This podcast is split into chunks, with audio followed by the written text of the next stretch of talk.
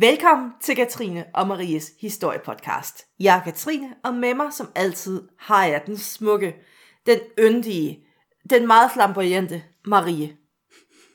Åh, hej hej. Det Hej, var hej. meget flamboyant sagt. Meget, altså, der er jo ikke plads til dig på Falster med alt det. Ej, men Razzle dazzle. flamboyanteri. Og jeg sidder her, altså jeg, næsten ikke være i mig selv for ren flamboyance på sådan en søndag Jeg kender ikke nogen flere, flere fjerbrugere end Marie. Nej, Flere flerbrugere, det kan jeg ikke sige. flere, Flere, flere, flere. Og apropos ting, man Ja. ikke kan forstå. I mm. den her uge, der skal vi tale om svenskerne. Vi skal nemlig tale om svensker, og det er faktisk ikke særlig, det tror jeg faktisk aldrig, vi har gjort før. Har vi det? Øh, kun når vi har svinet dem lidt. Ja, og jeg tænkte også, at nu har vi jo ligesom efterhånden en liste. Vi kan ikke komme ind i Kina, vi kan ikke komme ind i Rusland, vi kan ikke komme ind i Nordkorea. Det er der at mærke ikke særlig mange, der kan. Øh, jeg tror også Rumænien, dem har jeg gjort mig uvenner med en gang. Ja, Også hollænderne forresten. og Holland, ja, men dem bliver vi heller ikke gode venner med efter det her, tror jeg.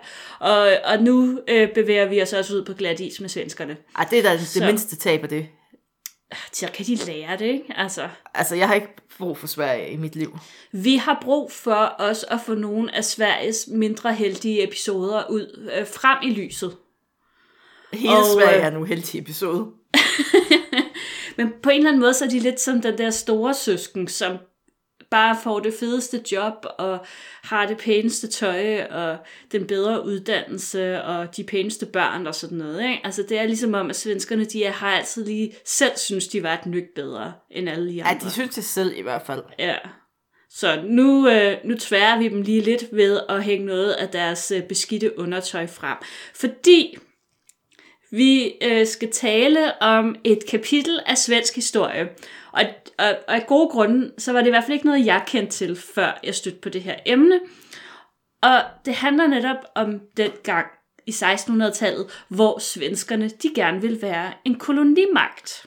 Og uden at spoil alt for meget, så kan vi vel godt sige, at det ikke var et projekt, de havde sådan den allerstørste succes med. Nej, det må man sige, og det er måske også derfor, at det her projekt er gået sådan en lille smule i glemmebogen. Det er ikke noget, man, man ligesom fremhæver særlig meget. Øh, men de havde altså en øh, koloni i Nordamerika, øh, ja, på engelsk New Sweden, eller Nya Sverige. Nye Sverige. Jeg tror, jeg har valgt at kalde den Nya Sverige i øh, resten af afsnittet. Vi kan også kalde den Ny Sverige. Hvad synes du? Nye Sverige. Okay. Øhm, og altså, det, var, det var faktisk den sidste europæiske koloni, der blev grundlagt øh, over i Nordamerika. Fun fact. Øh, det var også den mindste, der blev grundlagt derovre, og øh, så var det så også lige den koloni med den allerkorteste levetid. Og Nye Sverige er jo godt nok altså, lidt en fodnote i den meget store og meget smukke europæiske kolonihistorie. Men så er det jo godt, at vi lever af fodnoter her på podcasten. Det er nemlig lige præcis det, vi gør. Lad os starte med begyndelsen på det her. Fordi hvorfor fik øh, Sverige den her tanke, at de skulle have en koloni? Hvad var det for et, et storhedsvanvid, der gjorde, at øh, svenskerne de ville til den nye verden? Altså først og fremmest, så skal vi huske på, at Sverige de var en stor magt i 1600-tallets Europa. De havde militær succes i 30-årskrigen, de var nogle rigtige bøller i øvrigt. Og de Ja, havde politisk magt og økonomisk, der var de rigtig rige. Så der var bare noget, noget pondus bag dem. de var helt klart sådan, altså, der, det var ikke, det var ikke det der lidt øh, kedelige, neutrale Sverige, som man sådan har set. Nej, der var noget svung over dem dengang. Ah, de havde lidt mere pondus. Øh, men øh, de deltog jo altså vældig meget i 30-årskrigen. Det tærede også temmelig meget på statskassen. Så svenskerne de fik sådan større og større behov for at finde nogle indtægter, der kunne finansiere deres Man felttog. skal også huske, at svenskerne de var jo glade for at bruge lejesoldater, og gode lejesoldater, de koster penge. Fun fact. Det er fuldstændig rigtigt. Øhm, og en måde, man kunne finansiere feltogene, det var blandt andet ved at underlægge sig landområder, øhm, hvor man så kunne få magten over handlen og tolvkrævningen. Og det havde man jo gjort i både Nordtyskland og i Baltikum og sådan noget, og det havde egentlig fungeret som en okay strategi, ikke bare for Sverige, men for alle de andre lande, der deltog i, i øh, 30-årskrigen også. Ja, men øh, problemet med 30-årskrigen, det var jo, der var rigtig mange, der var involveret. Så der var, ja. til sidst var det sgu ikke så let at finde et sted, hvor man ligesom kunne få nogle penge. Fordi alle var påvirket af det her. Så, Ja, mm, ja præcis. og de europæiske lande, de tænker så, hmm, what to do? Så derfor begyndte man at få de her oversøiske kolonier, netop fordi det er jo bare frisk land, hvor man kan lave altså skatter og naturressourcer og penge, penge, penge. Money, money, money. Hov! Abba. Money, money. Abba Rafa. Det er faktisk en sang til kolonimagterne. Om det er en sang til kolonimagterne. Hele arbejdstid, det er bare kolonimagter.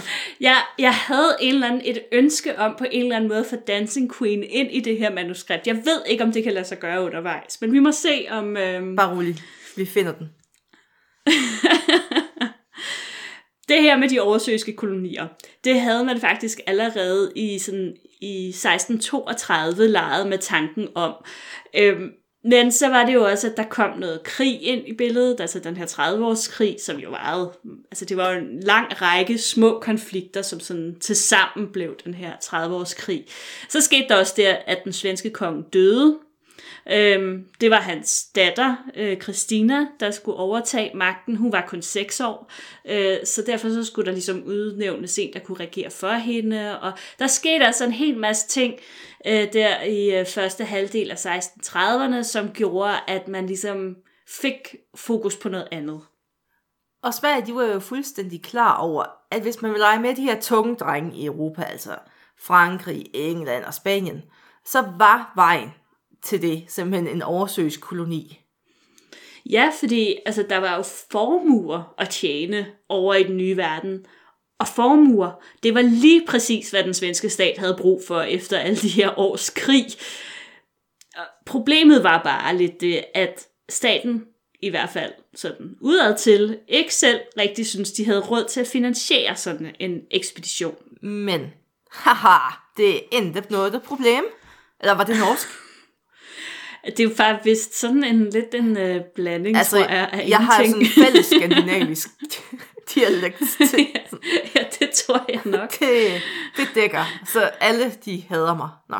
Ja, ja. Men der var heldigvis andre, der havde de her penge.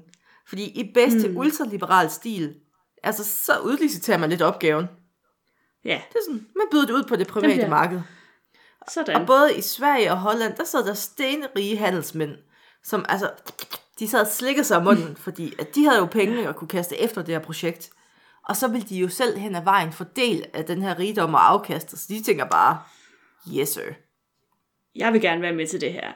Og øh, som sagt så gjort, i øh, 1636, der blev Nya Sverige-kompaniet oprettet, og de vidste med det samme, hvem der var den rette mand til at lede Sveriges første ekspedition til Nordamerika.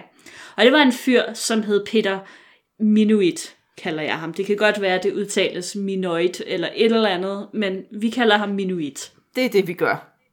Det er Og det. han var en moden herre på 50 år, og han havde et CV, der passede perfekt til den her opgave. Han havde tidligere arbejdet for hollænderne, og dem har vi snakket om. Det var nogle, mm. skønne mennesker, indtil det begyndte at handle om krydderier. og han har været, Det er rigtigt. Det. jamen, de var utrolig behagelige indtil da. Ja, og der, vi kan lige anbefale, at hvis folk ikke har hørt afsnittet, det hedder noget med, en, hvad er det, New York i bytte for en muskatnød, eller sådan Ja, noget, eller noget, når man kommer fra Horsens. så øh, gå tilbage og hør det, så skal I høre en skøn historie om hollænderne i USA. Og han har været med til at grundlægge deres koloni New Amsterdam, hvilket jo senere blev til New York. New York. Og faktisk, der får Peter sådan lidt personligt æren for, for at have købt Manhattan af indianerne. Så han var jo en knog handelsherre. Det var han, og han var, han var også en kendt personlighed på det her tidspunkt, inden for sådan koloniverdenen. Øh, verdenen. øhm, så havde han jo selvfølgelig også det, øh, den force, at han jo havde været i Nordamerika i længere tid. Han kendte til området, til naturen, til ressourcerne. Han øh, vidste, hvad kolonilivet gik ud på. Det var jo nok øh, lidt et problem for mange af de andre kolonister, der kom til, som fik lidt af et chok, øh, når man ikke sådan direkte kunne videreføre en europæisk livsstil What? i sådan en koloni. Ja, Og øh, så havde han jo erfaring med handelen med de lokale stammer. Og ikke mindst, og allervigtigst, så vidste han, hvordan man etablerer sådan en koloni. Hvordan man skærer den ud i pap og, øh, og får sat sådan en op. Og så var det jo heller ikke et minus, at han faktisk var ret bitter på sin tidligere arbejdsgiver over at blive kaldt hjem. Han kunne godt lide at være i Nordamerika. Så hvis Ja. han nu kunne hjælpe svenskerne på hollændernes bekostning, så var det jo bare altså, ekstra fedt for ham. Lige at... Det var super. Så i december 1637, der øh, forlader skibene Kalmar Nykel. Kal- Kolmar Nykel. Nej, det var altså også norsk. Ah. Kalmar Nykel. Kolmar Nykel. Og vo- Beklager Fogelgrib. til alle. Og fogelgrib, det lyder Jeg lidt mere øhm, hollandsk eller, eller tysk i virkeligheden. Nå, men de her to skibe, det er også lidt ligegyldigt, hvad de hed egentlig. Øhm, men øh, de forlader altså Jødeborgs havn med kurs mod den nye verden. Og ombord på de her skibe var selvfølgelig, øh, altså han var kun ombord på det ene, øh, var Peter Minuit, og så var der så cirka 70 kolonister. Det var jo ikke alverden. Øh, men de her folk, de skulle altså øh, simpelthen etablere fundamentet til den her nye koloni. Og Peter, han vidste præcis, hvor GPS'en den skulle sættes hen. Han kendte mm. et område langs Delaware-floden mellem den engelske koloni Virginia og hollændernes New Amsterdam, som ingen rigtig havde gjort krav på, men det var et ret fedt område, så han tænker, at her skal nye Sverige være. Lige præcis. Jeg prøver at se, hvor, hvor gnidningsløst jeg bare glider over i svensk. Jamen, jamen, det er imponerende. Du er et Multilinguist. sprogligt geni. Præcis. Nå, men øh, de her svenske skibe, de ankom til Delaware-flodens udmunding i foråret 1637. Og de svenske søfolk, de bliver jo mødt af det her Jamen, altså, det er jo næsten sådan et paradis. Det er jo lidt ligesom vi snakkede om i sidste uge også med, med Roanoke, hvor at, altså, i forhold til det her krigshavet Europa, som de har været vant til, hvor alting bare er udlagt til marker og sådan noget, så er det her jo som at komme til et paradis. De ser de her enorme skove, der er fyldt med fyretræer, birketræer, valnød, asker, kastanjetræer, alle de her træarter, som er i høj kurs hjemme i Sverige på skiftværfterne, og de får bare dollartegn i øjnene, eller det gør de nok ikke, de får kronetegn i øjnene, eller Jo. hvilken møntfod de nu har på det her tidspunkt, og kan bare se, wow, vi kan eksportere alt det her træ hjem og tjene så mange penge. Og derudover så kunne Peter Minut øh, fortælle, at vådområderne længere ind i landet, de var fyldt med de dejlige pelsdyr som bæver og ådder og mink og væsler. Ja, og man skal jo huske på, at lige på det her tidspunkt i 1600-tallet, der er vi jo faktisk stadigvæk inde i den periode, som vi kalder den lille istid. Og det vil sige, at der var nogle utrolig kolde vintre, og det har nok lidt været medvirkende til, at pels var et ekstremt værdifuldt materiale i Europa, og det kunne altså sælges for formuer i de europæiske store byer. Så hvis øh, svenskerne de kunne finde ud af at leve fredeligt øh, i harmoni med de lokale indianerstammer, så kunne stedet her altså blive en virkelig guldgruppe. Men der var altså lige et arbejderbej, fordi at området det var allerede beboet. Upsi. Men øh, som vi tidligere har talt om, så er det jo bare altså, en mindre detalje, man får styr på sådan lidt længere nede af vejen. Det er jo ikke sådan... Det er ikke det, er det ikke første på det der roadmap, man har, når man grundlægger en koloni. Nej, men det var vigtigt, at man fik gjort krav på det her område, sådan at, at man ligesom havde landet papir på, hvis nu at der skulle komme en englænder eller en hollænder forbi og sige, hey, må I godt være her? Så kunne man sige, ja, se, jeg har, Jeg har sat et flag." Jeg har sat et flag. okay. Alt det sollys Øhm. rammer af mit kongerige. Præcis. Øh, men det Peter Minuit han gjorde til at starte med, det var, at han simpelthen mødtes med de lokale høvdinger. Det var nok en erfaring, han havde gjort sig fra tidligere, det var en god idé. Og øh, udover bare at sidde og snakke med dem, han havde en tolk med, vel at mærke, som, så han kunne snakke med dem, øh, så tilbød han dem alle mulige gode sager. Og især var de her øh, folk pjattet med ting af jern, fordi det var et materiale, som de ikke selv havde. Så altså, åh, de blev helt vilde. De kunne få knive og økser og gryder og kedler, og de elskede det. Og til gengæld, øh, for alle de her dejlige gaver, så fik svenskerne altså retten til at kolonisere et temmelig stort område omkring nutidens Wilmington i øh, Delaware. Jeg skal sige, at udover at de fik lov til at kolonisere området, øh, så fik de så også monopol på handlen med de her indianerstammer, øh, så de ligesom alt al pels øh, skulle gå til svenskerne. Det var en ret god deal. Det vil sige, at de jo basically har købt et kæmpe område for sådan lidt i Merkutat. Men Ja, og, og der var i hvert fald nogle steder, hvor det blev fremhævet, at altså, de her stammer, øhm, de vidste jo ikke, hvad de sådan rigtig gik, hvad det var, Nej. de sagde ja til, fordi de har ikke sådan på den måde forståelse for, at man kunne købe og sælge land. Altså, det var jo bare noget, der var der på en eller anden måde. Det var jo alles. Så det der med, at der så var nogen, som ligesom ejede et stykke land, det havde de lidt svært ved at forstå. Men altså, svenskerne var heldigvis ikke de værste kolonister, så de, øh, de fandt ud af det. mm, ja. Og det er jo så her, man for alvor begynder at få opbygget den her koloni. Og svenskerne, de går i gang bare en måned e- og efter, så har de fået bygget et fort af tilspidsede træstammer. Altså, jeg forestiller mig lidt, de har sådan en IKEA-pakke med. Sådan Ja, stramt pakket, og så har de pakket den ud, og så har de haft den der skrue og den der nøgle, og så... Tuk, tuk, tuk, tuk. Det giver også mening, ikke? Fordi at fortet kommer til at hedde Fort Christina. Det er sådan typisk IKEA Ja, der skulle lige have været et umlaut et sted. Gittesen. Christine, Christina Ø. Kry, Christina. Eller født Christina.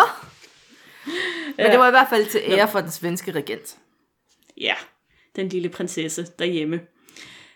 Og som nævnt lige før, øh, modsat englænderne, så øh, var svenskerne sådan ret heldige at have etableret sig i et område, hvor indianerne øh, var bofaste for det første. Altså, så de, det var ikke sådan et sted, hvor de hele tiden flyttede rundt og kom i kampolage med hinanden.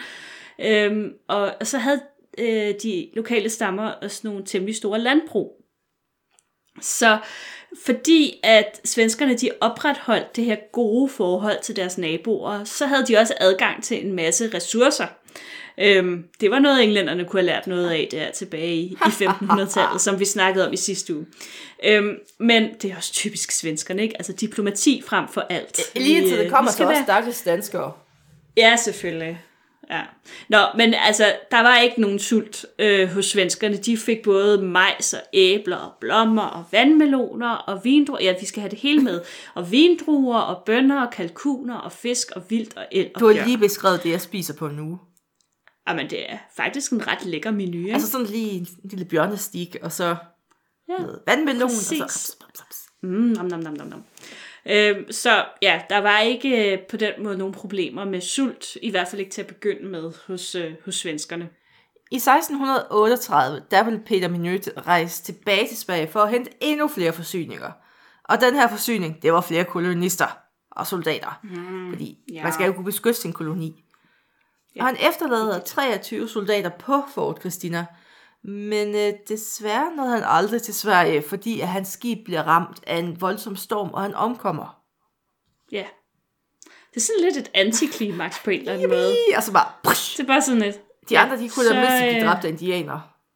Ja, præcis. Altså, så er det bare sådan, nå, så, så sluttede så den.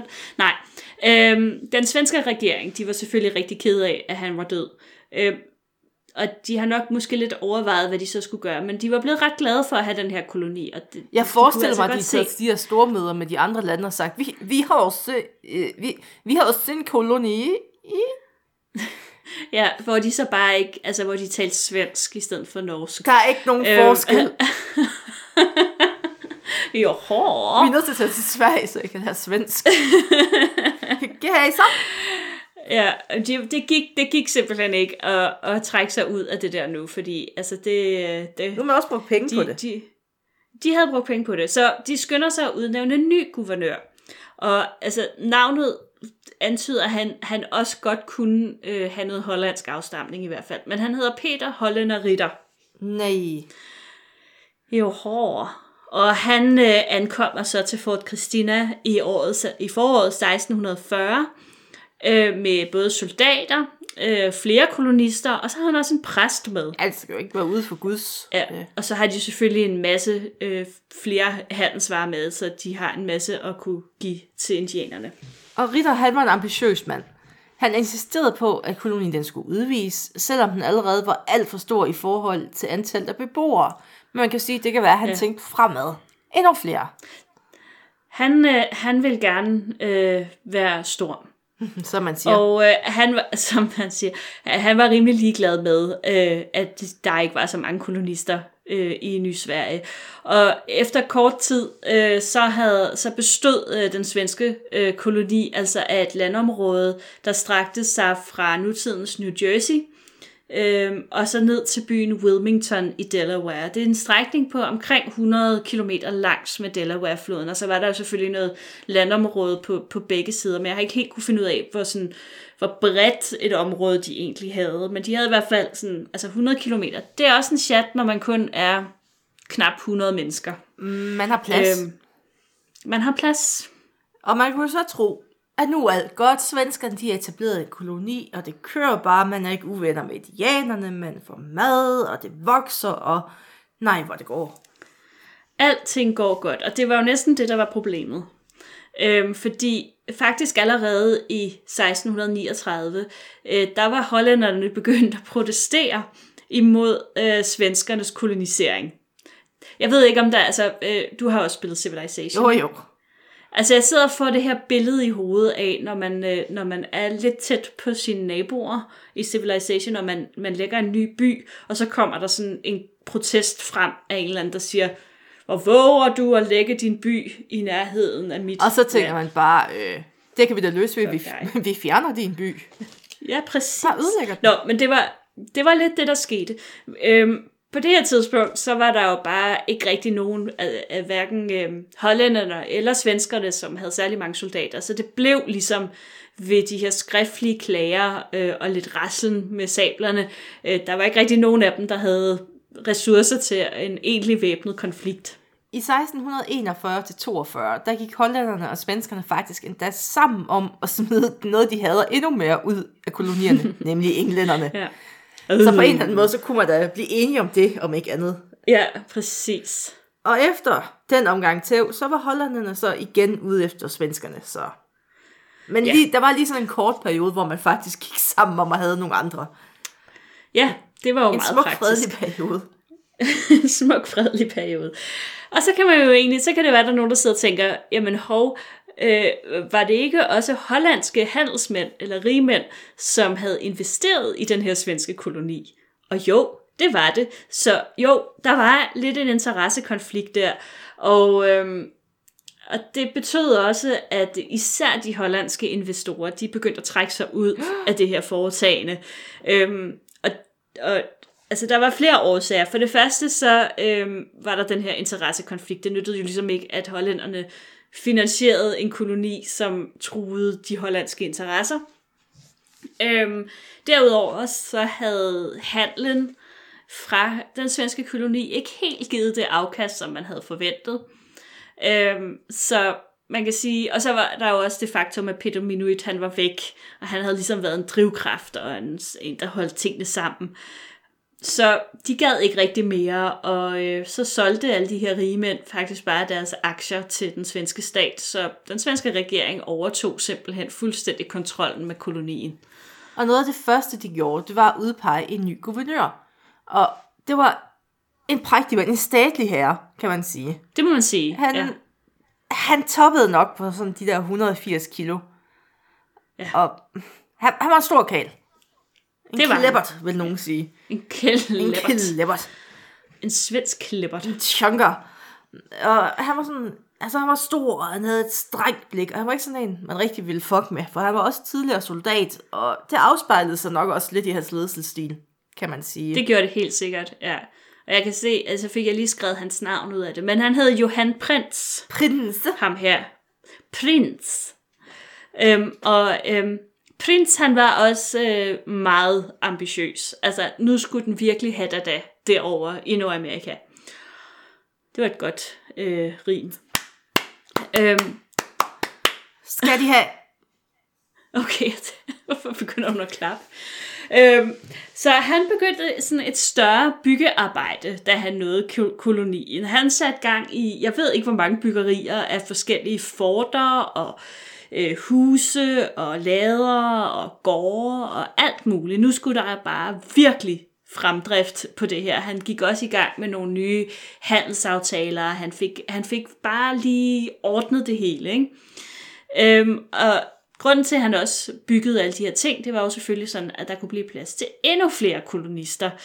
Øh, og at de forhåbentlig også snart sådan kunne begynde at forsyne sig selv med madvarer, og ikke være så afhængige af kontakten til indianerne. I 1643, der grundlagde han Nya Sveriges øh, hovedstad på øen Tinicum, hvor Philadelphias internationale lufthavn er i dag.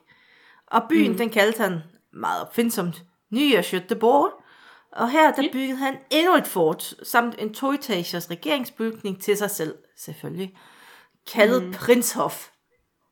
Ja, jeg synes, det er fantastisk. Øh, Prinshof. Eller, jamen, jeg synes, det er smukt. Ja, det er sådan virkelig, øh, så har man ligesom sat et mærke over sig selv. Og i begyndelsen, der gik det faktisk også ret godt for, for prins. Det blev bare snart tydeligt, at Sverige, altså gamle Sverige, havde mistet interessen for kolonien. Og det er jo egentlig en rigtig og, dræber generelt for kolonier, hvis man ikke har støtte det hjemmefra. er det. Jamen, vi så det jo også faktisk med Roanoke i sidste ja, ja. uge, ikke? Så var der pludselig noget krig derhjemme i England, og så havde man lige pludselig fokus på noget andet. Så sendte man ikke lige nogle forsyningsskibe, og så fik de lidt lov til at sejle deres egen sø. Det var det, der skete i den svenske koloni også, og faktisk allerede fra 1648, der sendte Sverige ikke nye forsyningsskibe til kolonien. Og forklaringen var præcis den samme som, øh, som i England der for øh, cirka 100 år tidligere, at, øh, at Sverige skulle bruge alle sine, krig, øh, alle sine skibe i en øh, krig mod hollænderne. Men altså den her øh, påtvungne isolation, og det at, at man ligesom følte, at hjemlandet havde glemt en, det gjorde dem sådan, altså de tabte lidt mod derovre i kolonien. De tabte pusen. Men de holder og dog, sig sådan lidt. altså projektet flydende, kan man sige. Indtil 1651, fordi her kan man sætte en skiller. Her begynder det virkelig at gå ned ad bakke for den her lille, lidt sårbare, glemte koloni. Mm-hmm. Fordi at ja. nu får hollanderne en ny guvernør ved navn Peter Stuyvesant.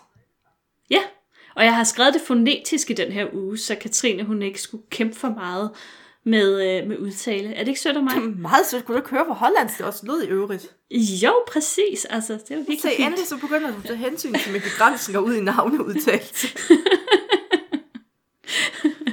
Nå, men ham her Stuyvesant, han var mindst lige så engageret og ambitiøs som øh, Johan Prins. Men han havde så bare den fordel, at Holland, de, øh, de havde ikke mistet interessen for deres kolonier i den nye verden. Og de sendte stadigvæk forsyningsskibe til New Amsterdam. Øh, så øh, den her nye guvernør, han vil, øh, han vil faktisk rigtig gerne udvide det hollandske territorium, og øh, han vil faktisk rigtig gerne have det område, hvor at øh, nye Sverige det lå. Åh oh, nej. Mm-hmm. Og over de næste seks år, der slog Stuyvesant og prins om retten til landområdet ved Delaware-floden det var en ret ulige kamp, fordi at hollænderne, som mm. sagt, de fik ting hjemmefra, og svenskerne, de var bare, hvad med os? Vi vil også fordi, have nye Hollænderne, de var jo friske og fulde af selvtillid. Der var jo nogen derhjemme, der kunne tage sig af dem. Og svenskerne, de var bare overladt til sig selv. det var bare sådan, der var ingen opbakning Nej, det, det styrer I helt selv. I klarer jer fint derovre. Og prins, det går godt. Han skulle jo holde sammen på det her, og han skulle have brugt rigtig mange kræfter bare på at holde sammen på tropperne. Ikke bare i kampen, bare, bare holde sammen på dem. Ja, og det gjorde han så sådan rimelig brutalt. Øh, og det gik så vidt, at i 1653, der var der 22 svenske kolonister. Det svarer til cirka en fjerdedel af koloniens beboere på det her tidspunkt, der afleverede et åbent brev til guvernøren, altså til prins, hvor de simpelthen klagede over hans ledelsesstil. Øhm, de følte sig ikke længere sikre i kolonien, de følte sig meget utrygge, og øh, de, øh, de brød sig ikke om den måde, han havde arrangeret handlen på med de lokale stammer osv. Ja, og i stedet for at lytte til klagerne og anerkende deres følelser og tage en åben dialog, så gik han lidt i panik. Fordi han opfatter det her som et mytteri. Og som ja. svar så arresterer han lederen og henretter ham. Som man jo gør. Der kom militærmanden nok sådan rimelig meget frem i ham, It's tror jeg, treason then. Øhm, Ja, og stemningen, den blev ikke... Hvordan skal man sige det på en pæn måde? Den blev ikke bedre af det her move. nej. Og senere samme år, så forlader jo han prinskolonien. Fordi at, Altså, det er utroligt, at han fik lov til at gøre det i live. Ja, ja. Fordi jeg kan da umiddelbart forestille mig, nu er svenskerne nogle meget sådan ordentlige mennesker som regel. Jeg kan også godt lide det her med, at, at de afleverer et brev trods alt. Ikke? De klager over ledelsestilen. At de, åh, det er, det er en, inte, der blå, det er inte bra det her. Pippi og, Longstrømpe. og så reagerer han bare som en total... Dø, dø, dø. I skal dø alle sammen. Nå, men øhm, prins han rejser altså tilbage til Sverige, og på det her tidspunkt så er der kun 70 kolonister tilbage i kolonien. Øh, resten de er øh, rejst øh, hjem sammen med ham, eller også er de faktisk deserteret til hollænderne eller englændernes kolonier, fordi der går det bedre på det her Der tidspunkt. får du mindst ting hjemmefra. Ja. Øhm, og så sker der lidt det sjove, at øh, den svenske regering, de har jo egentlig virket som om, de var sådan pænt ligeglade med, hvad der skete derovre i Nordamerika i ret lang tid. Men øh, de vågner pludselig op, da prins han kommer hjem, og tænker, "Hvad, skulle du ikke være Har du ikke en koloni at, Over i- at lede? hallo, ja, hallo. Øhm, så, øhm, så de tænker, okay, det her, det kan godt være, at vi lige skal tage os af det. Øh, så de udnævner en ny guvernør, han hedder Johan Riesing, og øh, ham sender de afsted med nye forsyninger, herunder 250 Og kolonister. der er der lige et spark i røven til manglen på kolonister derovre. Ja, Og under Rising, der når befolkningstallet i kolonien højt op, altså helt op til sådan meget præcist, 368 mennesker. præcis Og det har aldrig været højere. 368 mennesker. Nej, Og de nye kolonister, de får sat gang i landbrug og handel igen. Fordi det er ligesom altså en saltvands indsprøjtning af dimensioner. Og så ja. begynder de at dyrke tobak. Og det er jo som at trykke sin egen penge på det her tidspunkt. Præcis. Og det går faktisk rigtig godt med deres tobaksdyrkning. Altså, det lykkes for dem, og det fungerer. Så alt ser jo godt ud på det her tidspunkt. Øhm, og der er heller ikke nogen tvivl om, at øh, Johan Rising han er en dygtig guvernør. Der er flere steder, hvor det bliver beskrevet, at øh, hvis han nu havde fået lov til at blive siddende, så havde kolonien muligvis overlevet. Øhm, Det kan vi gætte, det gør han ikke. det øh, gør han ikke. Øh, faktisk fik han kun lov til at, øh, at sidde et års tid som guvernør af kolonien. Fordi, hvad sker der? Ja, fordi i 1655, der får hollænderne nok af den her konflikt med svenskerne. De vil afslutte den en gang for alle. Og Peter Stuyvesant, han invaderer ny og svært, ja, men her på 317 soldater og syv krigsskibe. Og så kan vi godt regne ud, når svenskerne har 368 mennesker i alt, det er jo ikke soldater alle sammen, så Nej, siger nej. matematikken allerede, at øh, det var ikke så godt for svenskerne, det her. Og, At den, den, og ja, ja. alt modstand, det blev jo bare faret til siden. fuldstændig. Øh, den her her, som øh, Peter Stuyvesant han sætter mod svenskerne, det er den største her på det nordamerikanske kontinent på det her tidspunkt. 317 mand. Bum. det er what? Øhm, så svenskerne, de har et problem, og øhm, de kan godt se, at det her det ikke kommer til at gå. Så de trækker sig tilbage til Fort Christina. De har jo efterhånden bredt sig ud over det her 100 km lange område på mange forskellige forter og så videre. Men øhm, de har det problem, at de mangler forsyninger. Same old story. Og øh, de har stort set heller ikke nogen soldater. Øh, de har heller ikke krudt eller kugler øh, at forsvare sig med.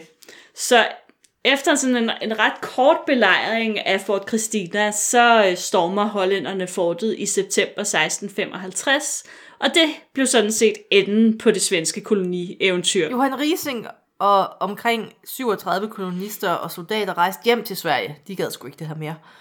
Men Nej. Over 300 svenskere, de blev i Amerika. Og så var de først, altså, de var jo ikke svenskere mere som sådan. De blev sådan suget op under den hollandske paraply. og senere Ja. under englænderne, da de erobrer området i 1664. Fordi Ja. ja. sådan når man er derovre, så kan man godt bytte, bytte nationaliteter, sådan overlords. Det, Ja, altså, Tager man ikke det, men det er faktisk lidt sjovt, faktisk, fordi altså, de fik faktisk lov til at forblive med at være svenskere. Og, og der var sådan, man kan faktisk stadig se svenske stednavne i området derovre. Det var sådan en lille svensk enklave. Jamen også navne, så, egentlig. Ja, Det er jo spændende. Øh, Øhm, der er faktisk, men det snakker vi lige om efter banjoen, lidt mere det her om, om hvilket mærke de ligesom efterlod sig derovre, fordi de, de, de kom nemlig til at, altså de blev jo teknisk set hollænder og sidenhen englænder, men, men altså, de var jo svenskere. Men altså, det var simpelthen øh, historien om, øh, om det svenske koloni-eventyr om øh, Nya Sverige. Så, øh, og her, kan man sige, hermed har øh, vores kære lyttere så endnu et emne til øh, familiefesten, hvor samtalen den går lidt i stå Eller I bare har lyst til at svine svenskerne. Som man jo har Eller på daglig basis. som siger, vidste I, at svenskerne havde en koloni i Nordamerika? Og med de ord, Værsgo. tak fordi I lyttede med. Ej, Marie. De Ja, det var en svensker. sjov historie. Ja, men altså, jeg, jeg kan ikke lade være med at fryde mig lidt, fordi altså, jeg har i hvert fald altid opfattet svenskerne sådan lidt som dem der, der altid var lidt bedre end os andre. Jeg har altid, haft, jeg har altid mistænkt svenskerne for at være nogle luskebukse. Og det bekræfter jo, Ja. at Jamen, du har den rette indstilling til svenskerne, kan jeg godt høre. de får aldrig lov til at gå over fjord eller over bæltet, når jeg er der. Horsens Fjord. Du, du vil forsvare Horsens Fjord med. Det lønnede mål. Taktisk vigtige Horsens Fjord. Præcis. Jeg bygger et Ja. fort på Jarnø. Ja, ej, men de var jo ret brutale. Altså, vi har jo faktisk også snakket om dem før i forbindelse med svenske Og krig. Tour de France. Jeg har Jeg også synes, det, at hver gang der var noget med, at nogen har været irriterende i Frankrig, så er det svenskerne. så svenskerne. de var ret irriterende i 1600-tallet, det var de altså. Jamen, det er de. Altså, hvis man spiller Crusader Kings som Danmark, så hader man også naturligt svensken. Ej, hvorfor? De kan simpelthen ikke lade en være. Nej. Og svenskerne er jo også kommet med i Civilization. I den udgave, jeg spiller Hvad er i. det for en, du der er, jeg tror, det er Gustav Vasa. Den hedder Brave New World, tror jeg faktisk. Ah, det kan være, at vi er nødt Ja. til at spille det sammen. Ja, det er... Så laver vi en alliance, hvor du prøver at vinde på kultur, og jeg dræber alt. Ja, jeg vinder altid på kultur. Jeg er, jeg, er kejserinde over et område, hvor der ikke er andre levende end folk, jeg lader leve. Ja, men, øh, lige, lige for tiden, der er jeg i gang med at genere babylonerne. Noget så frygteligt. Øh, så. Men det er en anden historie. Det kan være, at vi skal lave en, øh, en YouTube-video, hvor vi spiller Twitch. Civilization. Vi twitcher det. Vi twitcher det. Fordi øh, jeg tænkte faktisk, at jeg havde lidt svært ved at finde ud af, hvad vi skulle snakke om. Fordi, altså, vi kan jeg bare, vi snakke om skulle snakke om svenskerne. Jamen, det skal vi også, men jeg er bare sådan, jeg tænkte sådan, der skal ligesom være en eller anden krog at hænge noget op på her. Så, men så tænkte jeg, så fandt jeg nogle facts om den her svenske koloni, og hvad der ligesom, hvad de ligesom har efterladt sig, eller hvad der sådan var at first. Ikke? Yes. Ja, jeg kan ligesom starte med den første, første, first. Første. Og det var, at øh, Nordamerikas første sorte indbygger, det var en mand ved navn Antonius, som blev købt som slave og bragt til kolonien Nya Sverige. Ja. Og han blev efter en årrække frigivet, og så levede han jo sådan set resten af sit liv i området som en fri mand. Men han var altså øh, den første sorte indbygger i øh, Nordamerika. Men Det kudos er da for at sjovt. frigivet. Jamen, det er jo også typisk svensk, altså. Det, det er jo sådan noget... De var så flinke. De havde også kun den ene De passede godt på ham. Det, havde, det gjorde de. Det var jo også svenskerne, der introducerede den lutheranske tro til Amerika. Og de byggede Ja. kirker, det var sikkert også en IKEA-løsning. Og de prædikede de lokale stammer, ligesom for at få dem med på den her kristne vogn.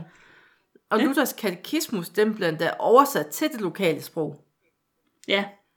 Og ifølge sådan den, den lokale prædikant, så var de jo helt vilde med øh, de kristne historier af de her indianere. Ja, der, der, Mm, det er de jo altid.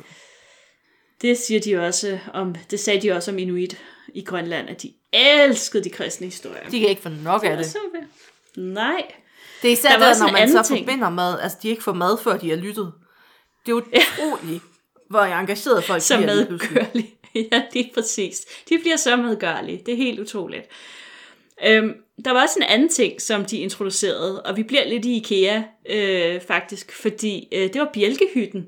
Man skulle ikke tro det, fordi altså, jeg synes i grunden, det er utroligt, at i et land, hvor der er så meget træ, at der så ikke er nogen af de tidligere kolonister, som har tænkt, kan vide, at man kan bygge et hus af træ. Det er insane. Øhm, Mind blown.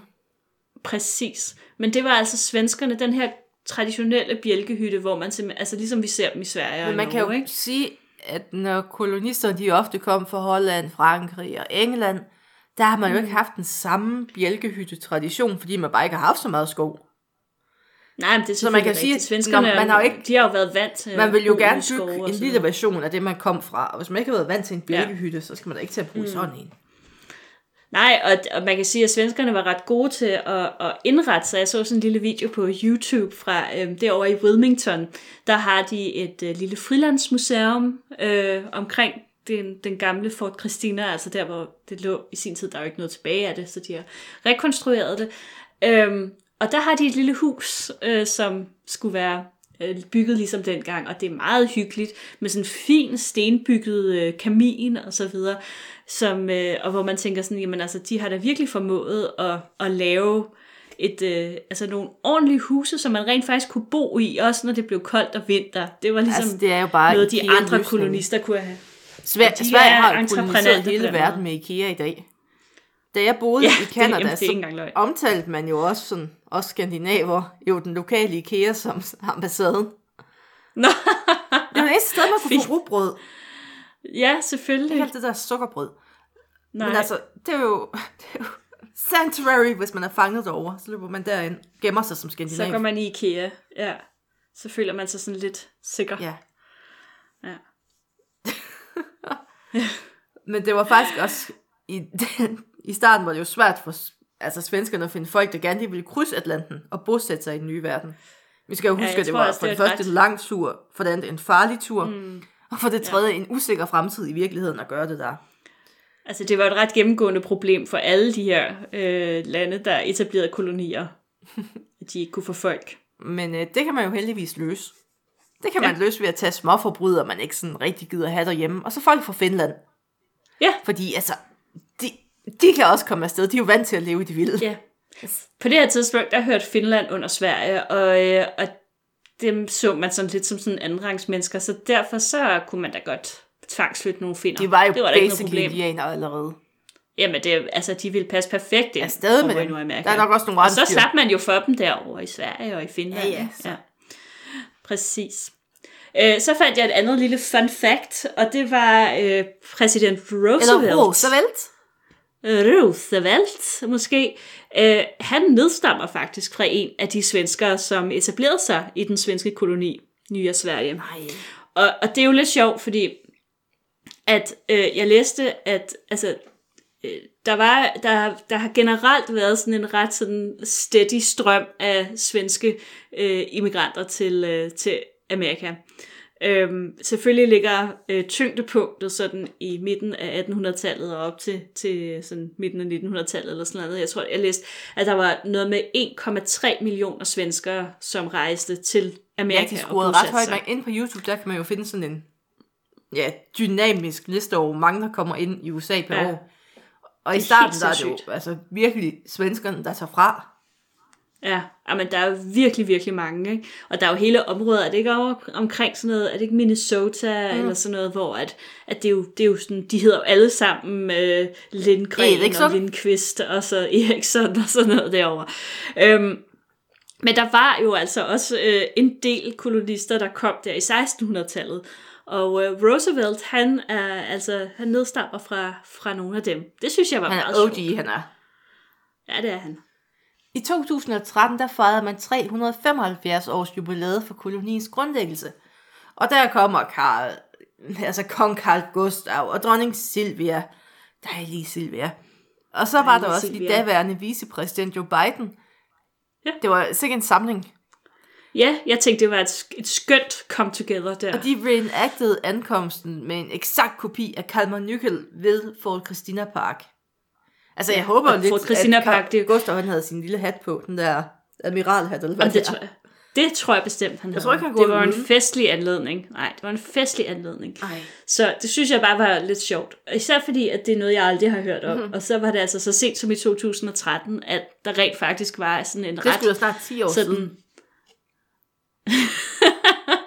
ah, Jo! øh, ja, okay. Men stadig. Altså, det, vi har passeret man 380 faktisk fejrer året for det.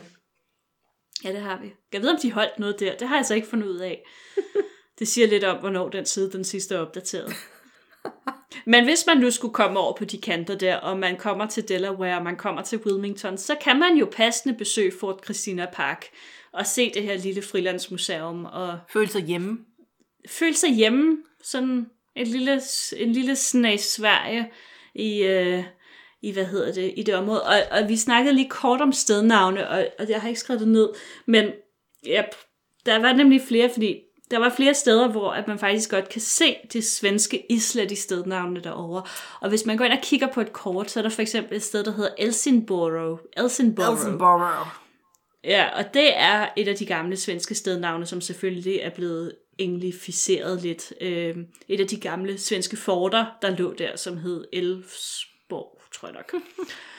øhm, så de er stadig lidt derovre. Øhm, det, er, det er lidt sjovt, synes jeg, at der trods alt er sådan en, en lille svensk tilstedeværelse fra 1600-tallet i den del af, af landet. Og med de ord, mygge tak, fordi I lyttede med. Ja, det var, det var norsk igen for helvede.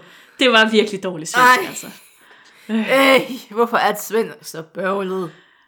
Jeg lover dig, i næste uge, så, øh, så skal vi ikke tale svensk. Det er da bare en udfordring nu. ja, vi har lige snakket om næste uge, når vi lige...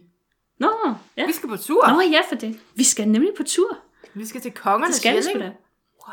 Vi skal over og besøge kongernes Jelling. Vi er blevet inviteret faktisk. Ja, det er til kongernes Jelling. Ved de, hvad de går Ja, ind det, til? det. Nå, indtil de opdager, hvad de er gået ind til. Ja, så øh, I kan se frem til sådan et lille, et lille øh, anderledes afsnit i næste uge. Må vi er ude i naturen indenfor. Ja, og snakke og snak med andre mennesker. Jeg snakker aldrig med andre end dig, Marie. Jeg skal nok agere tøj. Jeg skal nok prøve Jeg at være står som sådan et også, generet barn og holder ved dig og sådan noget. Når folk snakker til mig, så kigger jeg bare på dig. Ja, og, og anledningen til vores besøg over i Kongernes Jelling, det er, øh, at de åbner for den årlige Danefæ-udstilling derovre, så vi skal også se på nogle flotte Danefæ. Det er det, der laver du guld, ikke? Det kan være lavet af alle mulige materialer. Øh. Men der er også ting af guld. Yay! Yay! Ah.